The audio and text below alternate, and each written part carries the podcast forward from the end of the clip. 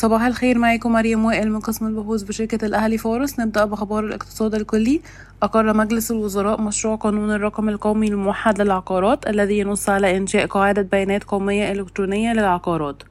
كما أعطى مجلس الوزراء الضوء الأخضر لتعليق ضريبة الأراضي الزراعية بنسبة 14% لسنة إضافية تبدأ من 1 أغسطس وتم تعليق الضريبة منذ عام 2017 وافقت الحكومة على مرسومين رئاسيين يسمحان لمصر بالانضمام إلى بنك التنمية الأفريقي أفريكا 50 لتطوير وتمويل المشاريع. وقعت شركة أوكيور إنرجي الهندية عقودا مبدئيا لاستثمار 4 مليار دولار في إنتاج الهيدروجين الأخضر بالمنطقة الاقتصادية لقناة السويس.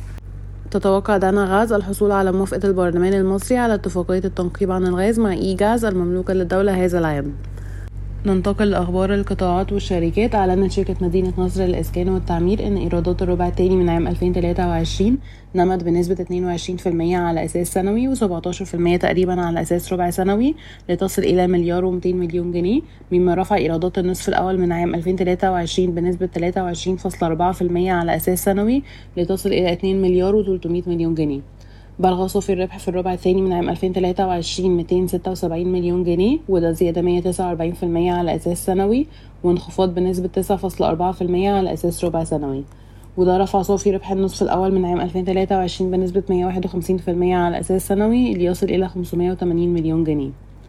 أعلنت شركة سبيد ميديكال النتائج المالية المجمعة للربع الأول من عام 2023 وأظهرت صافي خسارة بقيمة 24 مليون جنيه مقارنة بصافي خسارة قدرها 38 مليون جنيه في الربع الأول من عام 2023 وصافي خسارة بقيمة 53 مليون جنيه في الربع الرابع من عام 2022 بلغت الإيرادات 15.8 مليون جنيه في الربع الأول من عام 2023 وده انخفاض بنسبة 77% تقريبا على أساس سنوي وارتفاع بنسبة فاصلة 8% على أساس ربع سنوي. يتم تداول سهم سبيد ميديكال حاليا عند مضاعف ربحية لعام 2023 77 مرة و EV to EBITDA 16 مرة.